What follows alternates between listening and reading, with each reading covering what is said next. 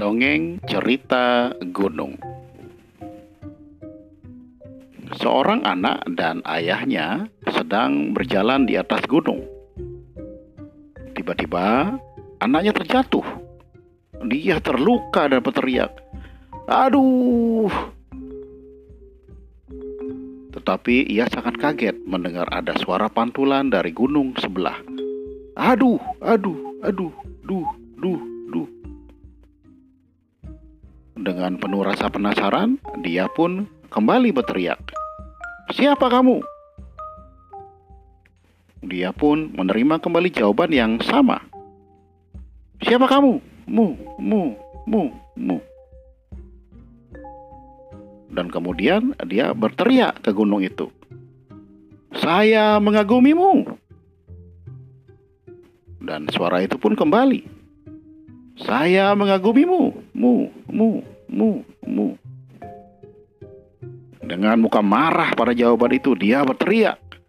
Penakut! Dia masih menerima jawaban yang sama. Penakut! Kut, kut, kut. Si anak menatap ayahnya dan berkata, "Apa yang sedang terjadi, Ayah?"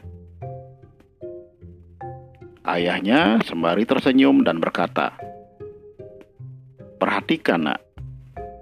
Ayah akan berteriak, 'Kamu juara!' Dia pun menerima jawaban yang sama. Kamu juara, ra, ra, ra. Anak ini kembali kaget dan tidak mengerti mengapa itu bisa terjadi. Kemudian ayahnya menjelaskan bahwa itulah yang disebut dengan eho atau gema suara. Dan seperti itulah sesungguhnya hidup. Segalanya akan kembali kepada kita. Apa yang kita katakan, apa yang kita lakukan. Hidup kita secara sederhana adalah gambaran dari kelakuan yang kita perbuat. Jadi, pembelajaran yang dapat kita teladani dari dongeng cerita gunung ini adalah segalanya akan kembali kepada kita.